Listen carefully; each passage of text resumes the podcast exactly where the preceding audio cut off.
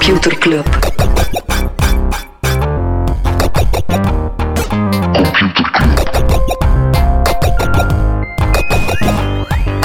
Computer Club. Hey Smolly, Hey Freddy, welkom, welkom terug. welkom. Welkom bij Computer Club, een wekelijkse podcast over technologie. Iedere aflevering selecteren Freddy en ik een interessant artikel en presenteren een feitje. Ja, ik, dit gaat een super interessante aflevering worden. Het echt ik heb er mega veel zin in. We hebben twee artikelen gekozen die volgens mij niet voor de hand liggend zijn. Voilà. Dus Maar- even de, voor de hand liggende Ja. eh, nieuwtjes. Eh, we gaan ze Facebook. niet allemaal overlopen. We gaan ze niet allemaal overlopen. De dingen die de selectie van de selectie niet halen, die staan in onze nieuwsbrief, waarvoor je kan abonneren op nieuwsbrief.computerclub.online. Eh, even terugkomen, de, ja, de ongoing saga. Ik denk dat we er nog veel gaan over horen. Australië tegen... de, de, Australië. Australië, maar dan meer specifiek de, media, uitgevers. de uitgevers in Australië tegen Google en, eh, en Facebook. Ja, dat was een, eh, een boeiende week. Google sluit allerhande deals. Dus wat een beetje het, het effect is dat ze hopen te, te bereiken. Belangrijk, dat gaat wel over deals met Google News en niet nieuws in de zoekmachine. Dat is wel Mhm. belangrijk. Eh, Facebook, ja, die trokken de stekker eruit. Ja. Ja, is intussen, ja, dat is, dat is PR-gewijs, niet zo goed uitgedraaid. Ja, onder andere ook de websites van Kinderkankerfonds, Huiselijk Geweld, Telelijn. Allee, ze hebben eh, Die konden allemaal over- niets meer op Facebook delen. Ja. Ehm, terwijl ik moet wel zeggen, ik, ik heb de, de, de persberichten van Facebook gelezen en ergens hebben ze gelijk, zij vragen niet om die content op hun platform, dat gaat over 4% trouwens. Mhm. Dus zij zeggen, kijk, wij posten die artikels niet, publishers posten die zelf en wij worden nu verplicht om in een betaalmodel te snappen dat we, snappen dat we zelf niet eens Mhm. kunnen bepalen hoeveel dat dat is, maar voor links dat wij niet eens om vragen. Publishers zetten dat zelf. Dus ja, Maar ze hebben het ondertussen bijgelegd. Voor de mensen die het nu in Kullen horen donderen, we hebben een aflevering of vier geleden heel diep besproken, of heel diep, ja, heel nauwkeurig besproken wat er precies aan de hand is in de Australië, waar de uitgevers het aan de stok hebben met Facebook en Google. Ja, dus, ik, dus oké, het gaat over de, de kracht van die aggregatoren, Google, Facebook. En inderdaad, ja, voor media is dat een grote ja, bedreiging geworden, want heel veel van hun trafiek Mhm. komt van daar of gaat naar daar. Eh, maar de oplossing is al, alles is niet ehm, bedrijven verplichten om te betalen Ja. voor een link, want dat breekt een beetje het hele model van het internet. Yes, Eh. Microsoft is intussen zeer opportunistisch. Die kiezen ook partij voor de Europese Publishers eh, Vereniging, geleid door Christian van Tilo. Voilà, kijk. Ja. Dan, eh, dan heb je... En dat Microsoft vooral wil dat Bing eh, meer gebruikt wordt. Exact. Anyway, Twitter, die andere gigant, die heeft iets nieuws. Allee, echt niet iets nieuws. Ze hebben iets nieuws van onder het stof gehaald. Ze, eh ja, kijk dat concept dat als je een scheldwoord wil zeggen, dat de leerkracht zegt, draai tien keer bij je tong voordat je zoiets wil zeggen. Twitter heeft iets gelijkaardigs gemaakt, digitaal. Als zij algoritmes zien, die persoon is hier van plan om iets beledigend te tweeten, ze lezen je tekst voor hij hem tweet, komt er een pop-up van, ben je heel zeker dat je dit wil zeggen, ja of nee? En dan krijg je de kans om je, tweet, je tweet nog aan te passen of hem te verwijderen of alsnog te publiceren.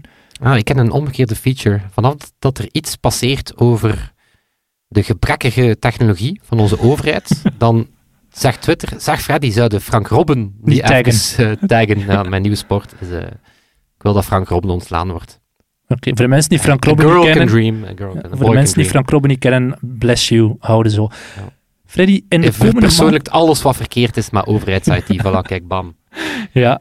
Ik heb nog een nieuwtje. Eh, Spotify gaat uitbreiden naar eigenlijk verdubbelen qua aantal landen waar ze actief zijn. Nog interessant is, in de komende maanden gaan ze enkele Amerikaanse podcastmakers in een testversie gaan betalende podcasts kunnen aanbieden via Anchor, het Spotify-platform. Ja, dus inderdaad. Hè, dus de support voor betalende podcasts. eh, ook een soort streaming ad insertion technologie. Hè, waarbij dat je, ehm, dat je als adverteerder ja, ook een self-service platform gaat Mhm. krijgen. Enerzijds om advertenties aan te maken. En dan anderzijds die advertenties getarget in, een, eh, in iemand zijn ja, podcast gaan, eh, gaan injecteren. Via Megaphone, inderdaad. En dan, ja, het was een stream-on event. Dan hadden ze ook meer mogelijkheden om artiesten te laten betalen voor Discovery. Eh, en ook onder, eh, niet oninteressant komen met hi-fi. Een soort lossless format, zoals Tidal. Oké. Dus dan ga je een duurdere versie hebben, maar dan krijg je wel zuivere muziek. En dat is wel onzuivere voor, podcast van Smolly en Freddy, voilà, wij, die opgenomen worden in, met een aardappel waar er twee draden in steken. Exact, exact. Ehm, ook wel een, eh, een bommetje in de UK. Eh, slecht nieuws voor Uber. De Supreme Court die heeft daar gezegd dat Uber-chauffeurs wel degelijk voor hen werken. Ehm, dus wat te zeggen, part-time employees, dus geen fulltime workers, maar ook niet als zelfstandigen, want, Mhm. zegt de UK terecht, ja, die mensen hebben geen keuze over de tarieven, die mensen hebben geen directe relatie met... Dus basically zeggen ze, ja, kijk, Uber, je, je kunt, ja, you can't have your cake and eat it too. Ja. Je kunt niet eh, de kwaliteitscontrole hebben van, een, eh, van, van dat soort platform en dan ook denken dat iedereen contractors zijn. Eh, dus dat betekent ja, vakantiegeld, eh, ook betaald worden als de app aanstaat, versus enkel als je aan het Amai. rijden bent. Uber protesteert, wat zeer ironisch is, want na Prop 22, eh, die, nieuwe, die nieuwe wetgeving in Californië, zegt Uber net dat ze heel hard geloven in de third way. Dus geloven in de middle way tussen een fulltime employee en een Ja. contractor.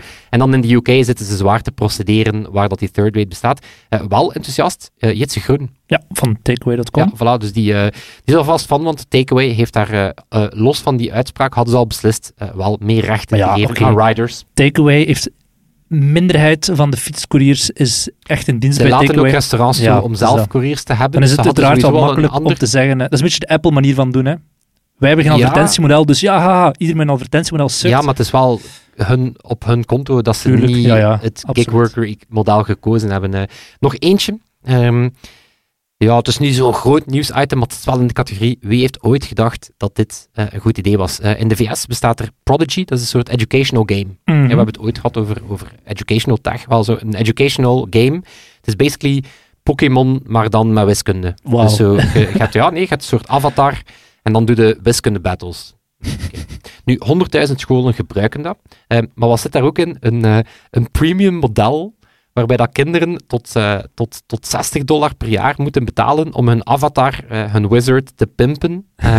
Maar dat betekent dat jouw wizard, die loopt dan op wolkjes, terwijl dat arme kinderen op een aardewegje moeten stappen. Maar dan denkt je, wie vond dit een goed idee? Wiskundeleerkrachten. Maar nee, wie bij Ja, dat bedrijf dacht nu van, ja, ja, goed idee, ik zie niet wat hier kan, hier, hier kan verkeerd lopen. Ja, echt, eh, We have the high ground. Oké. voilà. Freddy, heb je ook een artikel gelezen? Yes, yes, yes, yes, yes.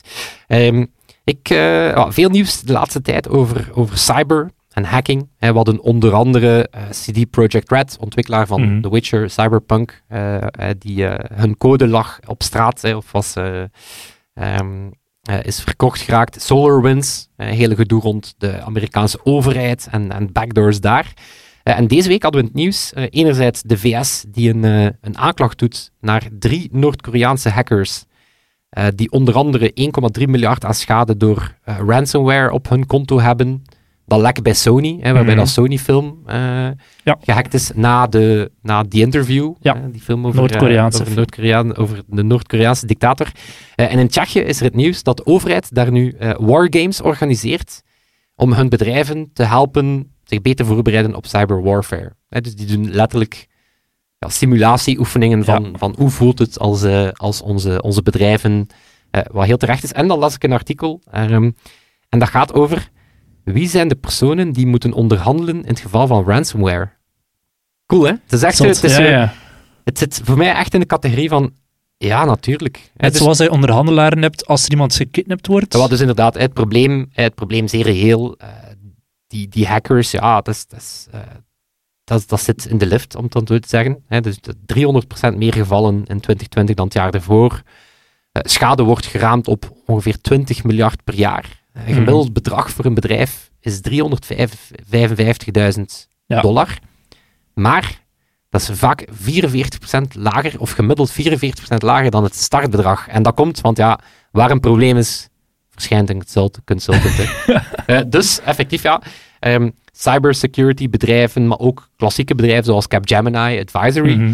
Ehm, ja, die hebben nu diensten, eh, negotiation services, 350 dollar per uur. En ehm, ja, wat die doen is, die, die vertellen van, kijk, onze taak is enerzijds ja, een stukje dat bedrijf wel geruststellen, hè, of, die, die mensen zijn, zijn nogal eh, overstuur, maar die zeggen, ja, wij moeten dan de, de geladenheid eh, wegnemen en wij moeten dat echt als een zakelijke transactie zien. Ja, ja. Wij moeten zeggen van, oké, ja, die- wij moeten niet zeggen aan die hackers, oh yeah, niet cool.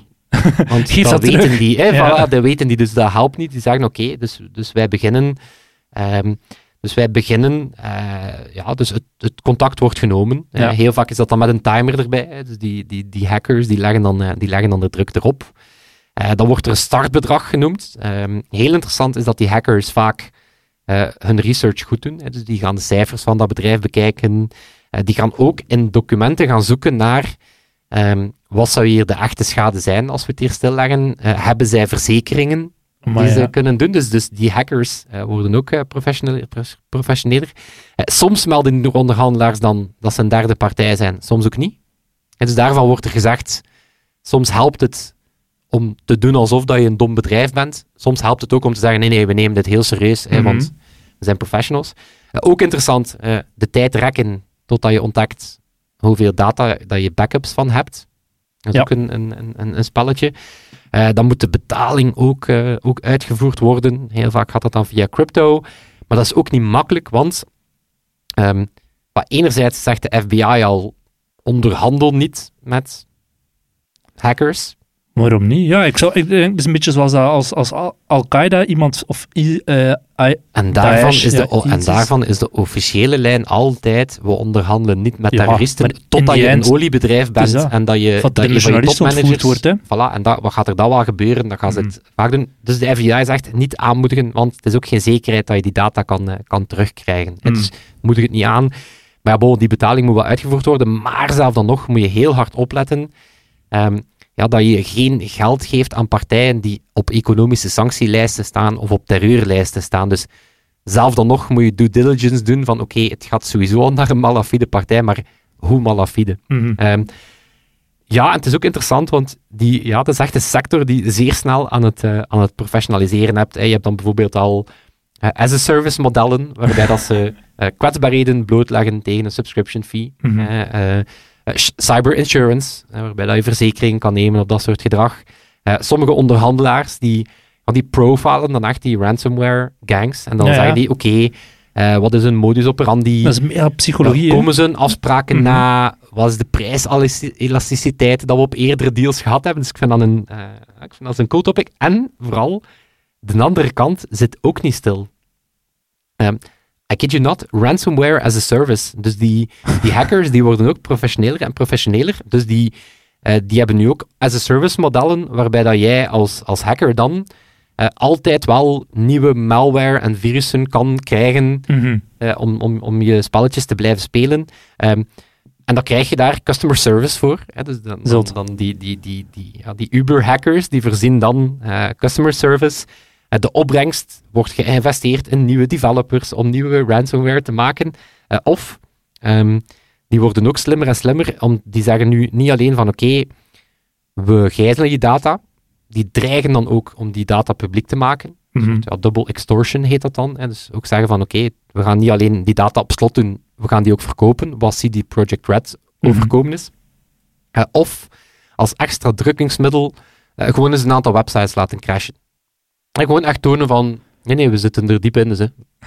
daar gaat uw ben publieke benieuwd, website. Ja, hoeveel, hoeveel dat zo'n developer van ransomware zou verdienen per dag. Want sowieso, system engineers en dat soort nerds, die zijn sowieso al de kleine la crème als het aankomt op verloning. Als je dan ook in de dark side gaat, Ik vond dat, ik vond, ik, ik had, recent was er het nieuws dat een van de grote botnets eh, door Europol was, was opge, opgerold. Ehm, inderdaad, zo ja, een netwerk aan gehackte computers dat heel vaak ingeschakeld wordt en dat soort, eh, en dat soort dingen. Maar oké, je weet het natuurlijk nooit, maar dat ging over tientallen miljoenen mhm. euro.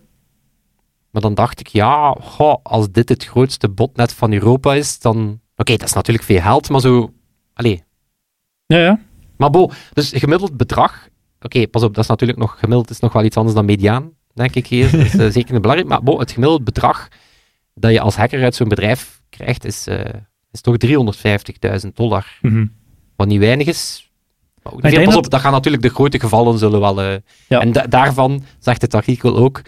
ehm, de echte schade in, in 2020, wacht, de echte schade in 2020 was 350 miljoen dollar. Maar die zeggen ook van ja, veel bedrijven gaan het niet melden Tuurlijk niet. als ja. het dan overkomen is. Dus Zet de er kost op, hè. wordt Ja. dan op 20 miljard eh, geschat. Ja. Dus toch, lucratieve handel.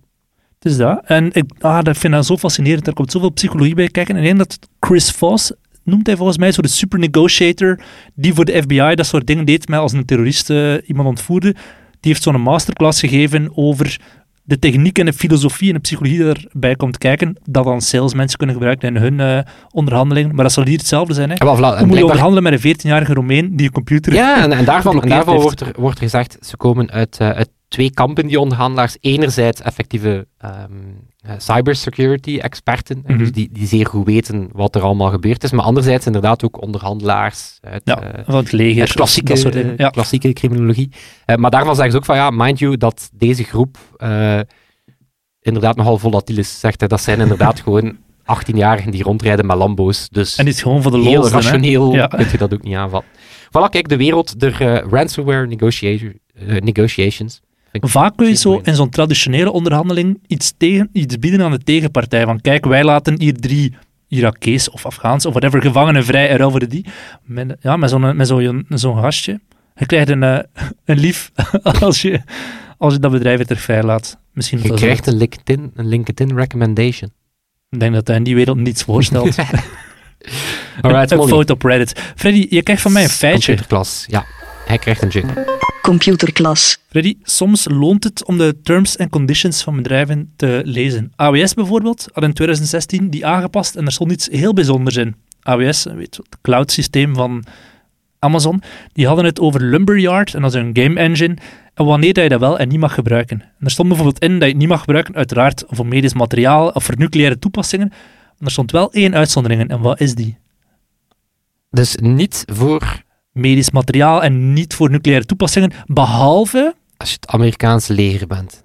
Behalve als er officieel een zombie-apocalypse is. Ah ja, Dus eigenlijk een soort met een lol aan het erin gestopt. Ze zeiden, als het Amerikaanse ministerie zegt, er is officieel een dan zombie-apocalypse mag gaande, de game engine gebruikt worden om een zombie simulation ja, of voor een training te nucleaire maken. toepassing. Ja. eh, ja. dan, mag, dan mogen alle voorgaande dingen mogen wel als er een nucleaire, eh, als er een zombie-apocalypse, wat een woord, als er zombies zijn.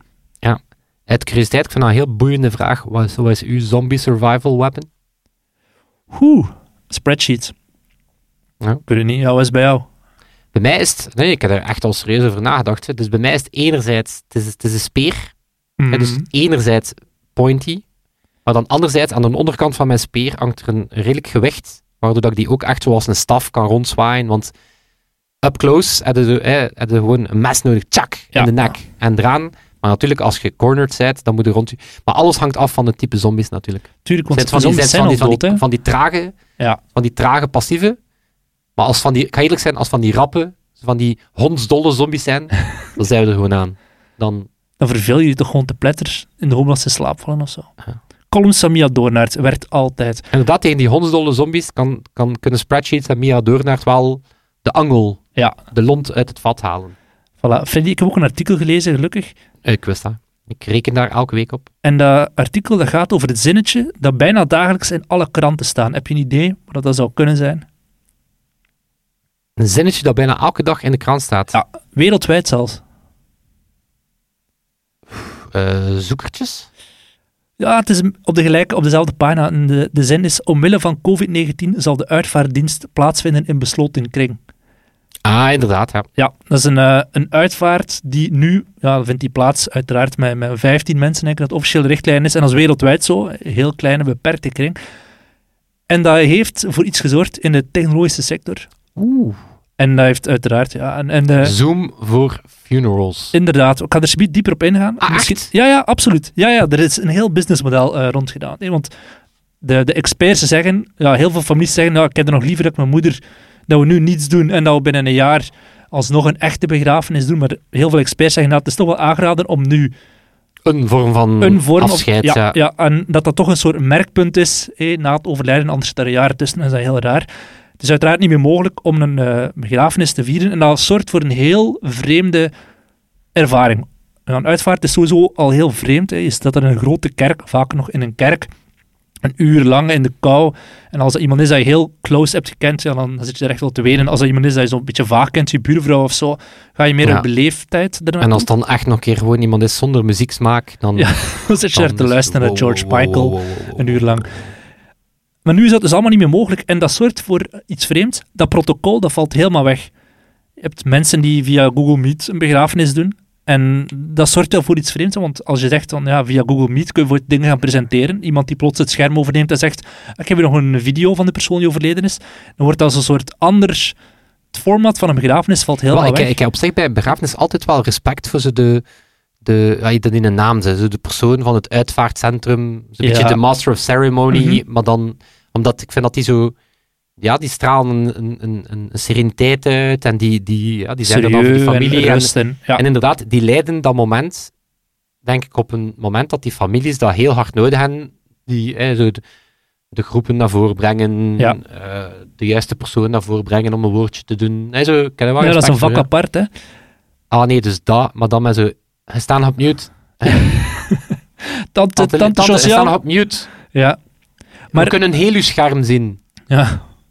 Ik ziet wel dat je naar het voetbal zat te kijken tijdens de begrafenis. Nee, maar het, het, de combinatie, en dan als ik er zo over nadenk, denk ik, dat is iets wat dat ons wel misschien in de toekomst wel nog zo zal kunnen blijven. Hij zegt van, de echte begrafenis doen we in een intieme kring met 15, 20 mensen en al de rest kan via livestream volgen. Misschien zelfs een soort van interactie. Maar hij zegt, stel dat mijn moeder sterft, ik wens daar niet toe, maar stel dat ze sterft, Hij heeft trouwens iets vrij gevaarlijks gedaan. Ik ga daar nog een keer op terugkomen. Oké. Maar dat we zo met twintig mensen, eh, ja, met, met de dichte familie echt wel die begrafenis doen, maar dat de buurvrouw, die kan via livestream meekijken, die moet ik op dat moment misschien niet, want dat is heel kut dat je nadien zo'n handje moet schudden aan iedereen, ook aan mensen die echt niet wil zien op zo'n moment. Hij zegt van, die mensen kunnen via livestream volgen. Wel, er is dus een hele business rondgekomen. Even opgezocht, de, de markt van doodgaan, die is meer dan 100 miljard waard in 2020. Ja, sowieso al heel veel. Maar er is heel weinig disruptie in die markt. Je hebt zo af en toe wel tendensen in mensen die zeggen, ja, ik wil een ecologische begrafenis. De crematie was 30 jaar of 40 jaar geleden het van het in de christelijke wereld. Ja. Of zo Dela. Dela, die zo een bepaalde brand... Ja, Allee, het verbranden dan. Zo van, ah kijk, Ja, maar er de is... uitvaartverzekering inderdaad. Van- ja, ja. Er is weinig disruptie in die markt, maar nu, ja, technologie heeft eigenlijk nooit een belangrijke rol gespeeld, tot, zoals in heel veel sectoren, nu is het echt wel doorgebroken. Die zag niet komen. Hm? Ik zeg, die zag niet komen. Ja, uitvaartstream.be, het is een ding, die biedt vanaf 279 euro een livestream aan. Er is een Nederlandse website die eigenlijk drie opties heeft. Een basic versie kost 595 euro en dan heb je één camera die het uitstuurt. De plus versie, twee camera's en een videomixer, 795 euro. Op aanvraag kun je vier tot acht camera's, meerdere micro's, twee technici, dat eigenlijk ah, bijna een En wat is livestream... dan, de, wat is dan de, de fully immersive? Is dat er een 360-camera op de kist staat in de oven en Nee, dat ja, gewoon tot de laatste zotter. vlam... Ik heb een beetje rondgezocht hoe dat er in andere landen gebeurt. In India heb je bijvoorbeeld een Hindoe-ceremonie die kan twee weken duren. Ook daar een heleboel startups. Guruji On Demand, die zag een omzet met meer dan 200% stijgen voor een soort livestream-achtige diensten. In China heb je Fu Shuo Juan International, dat is zo'n beetje de Dela van China. Die hebben, eh, in april is er blijkbaar in, in China een soort ritueel dat je de graven van mensen die dood zijn enerzijds gaat opkuisen en er dan mooie dingen op gaat plaatsen, foto's en bloemetjes en zo. Beetje zoals dat hier alle zielen hebt. Ja, daar zeggen ze, die Fushuo Joan International, die hebben een soort virtuele versie ervan gemaakt. Je dus virtueel foto's en, en, en, en zo kan achterlaten. 900.000 mensen hebben dat gedaan, hè. In april vorig jaar. En dat zal ook wel, ja, it's here to stay. Maar vooral in Japan, ja, heel veel oude mensen in Japan. In Japan leven mensen veel langer, maar als ze dan sterven is ook wel ja, een grote markt. 19,5 miljard is die, is, die, Zot. is die markt waard in Weet je Japan. dat nu wel nog een goede clubhouse use case zou zijn? Hm? Echt een goede is zo een, waken.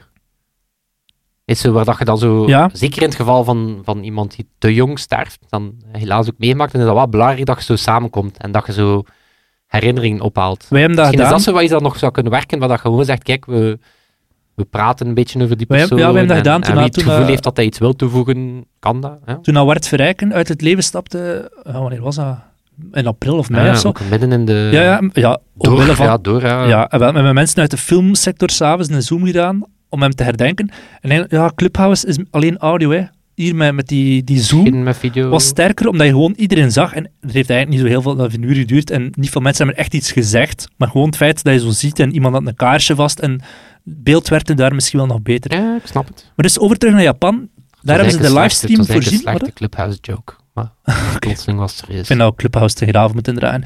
Zwat, in Japan is de livestream voorzien van betaalmethodes voor de offeranden. Dat is pas next level. Yo. Nog zotter, in Ik heb trouwens ooit keer in een kerk, in een kerk, eh, in een kerk was er, eh, was er de, ja, voor een kaarsje te koop, daar Mhm. ging een QR-code.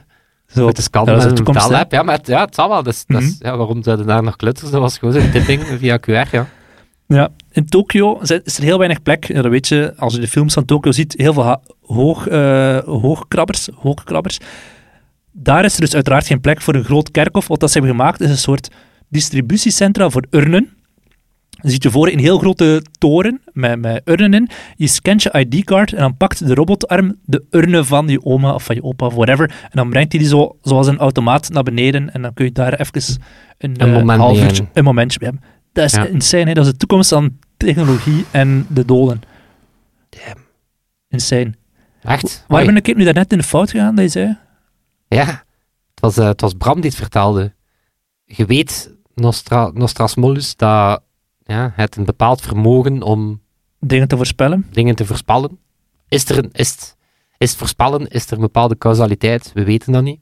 Ehm, je hebt zo vorige week langs je neusweg zo een keer vermeld van ja, moest Elon Musk nu sterven? Ja. Dat is gevaarlijk griefste maat. Allee, ik ben ook geen fan van hem, maar of dat ik hem dat dan toewens? Op een dag zal hij sterven, maar eh, liever later dan morgen. Ah, oké. De belangrijke correctie. Ja. Belangrijke correctie. Dus het Bij universum, eh, het lot, Ja. luisteren naar deze... Ik hoop dat het lot nog altijd luistert naar onze podcast. En ook week na week. Even update inderdaad aan het lot. Er zijn ook startups die je berichten laten sturen. Moest Elon dan sterven? Hè? Er zijn startups die Hypothetisch. berichten laten sturen Moest. eh, naar dus- een dus- overleden persoon. Ehm het doet me denken aan een van de beste podcasts dat ik ooit gehoord heb van This American Life. En die heet One Last Thing Before I Go. Als mensen nu luisteren, zet die na deze computerclub op. Het gaat over een, eh, na de tsunami in Japan. Ja, zijn, er, zijn er mensen, heel veel mensen gestorven. Een soort telefooncellen die in een, in een landschap staan in een weiland in Japan, waar mensen naartoe gaan om te bellen met mensen die overleden zijn. Heel krachtige podcast. Oeh. Dus er zijn startups die dit maar dan virtueel aanbieden. En dat je kan sterven naar, eh, sterven, sturen ik naar ook zo een, een, heel interessante Black Mirror episode vond, was zo dat idee van, eh, ik denk die episode Be Right Back, dat was die boyfriend die nog iets ging gaan halen en verongelukt. En dan hadden ze op basis van zijn gesprekken basically een, een serie op maat gemaakt. Ja. Wat hij... En oké, ja, ik, ik vond dat een goede aflevering, want was zo van, oké, dat we dat willen, nee, hè, duidelijk, maar zo... Het is wel iets van, van, wat doe je met al die herinneringen? Ja, en je weet... Wat doet Facebook inderdaad? Ik ging net die- zeggen, ja. je weet, er zijn startups hiermee aan het experimenteren. Facebook gaat het ooit implementeren. Hè. Ooit komt, je kan wel zo'n in memoriam pagina maken van iemand die gestorven is. Ooit gaat Facebook zeggen, jij kan ook sturen naar die persoon, misschien met AI, dat die persoon kan antwoorden. En op basis van de chatgeschiedenis die je met die persoon hebt gehad. I don't know, whatever, Ja. maar dit is een... eh, Ja, of, of, net, ja of, of, of inderdaad zo, ik denk dat ook een bepaald, eh, bepaalde wet of een bepaalde norm gaan moeten zeggen van wat doen we met al die profielen nadat mensen sterven. Want in dat is 2070 gaan er meer doden dan levende mensen op Facebook zitten. Dat is Ja, voilà, en door dus dan heb je wel een bepaald richtinggevend kader nodig en misschien ook één die zegt wat je wel en niet kan doen met mhm. mensen hun herinneringen. Want Ja. ik denk, een, een, eh, een mooie fotowall is fantastisch, maar inderdaad, een dode persoon die plotseling via stemsynthese altijd leeft. op jouw bericht. Zoals het hologram van, wie was het nu weer? Dit is Michael Tupac. Jackson. Ah, Tupac. Tupac, Tupac. Ja, ik zeggen Michael Jackson. Ja. Tupac. Daarvan denk ik dat de wereld niet genoeg Tupac kan hebben. Dus. Ja. Die dat mag dat wel. Dat is dan de asterix in de terms and conditions die zegt, Tupac behalve als het Tupac is, Tupac. Die mag come elk back. jaar een nieuw album lanceren. Voilà, voilà, voilà. Oké, dan, eh, kijk, dan hebben we toch weer eh, twee eh, ja, kantjes van technologie ontdekt. Ja. Waarvan we waarschijnlijk, pakweg een week geleden, nooit Bij alles hadden stilgestaan. dat dat wel degelijk een dikke industrie was. Yes. Voilà, dan eh, bedanken wij vooral onze amigo's, Toon, Sebastiaan, die eh, deze week de edit doet. Onze vrienden van de show, daar zijn we ook heel dankbaar voor. Mensen die ons eh, helpen met het dak boven ons hoofd eh, Ja. te betalen. is ook een heel toffe bende. Als je onze nieuwsbrief wil ontvangen, dan kan via nieuwsbrief.computerclub.online. Voilà. Dus proberen inderdaad in de podcast proberen we het eh, kort te houden, dat uh, opstapje. En dan sparen we heel wat op eh, richting de nieuwsbrief. Dus het, is zeker niet, het is zeker niet dubbel op. Hè. Nee. Alright, dat zal het zijn. Tot in je mailbox. Of tot volgende week. Tot volgende week. Yo. Yo. Computer Club.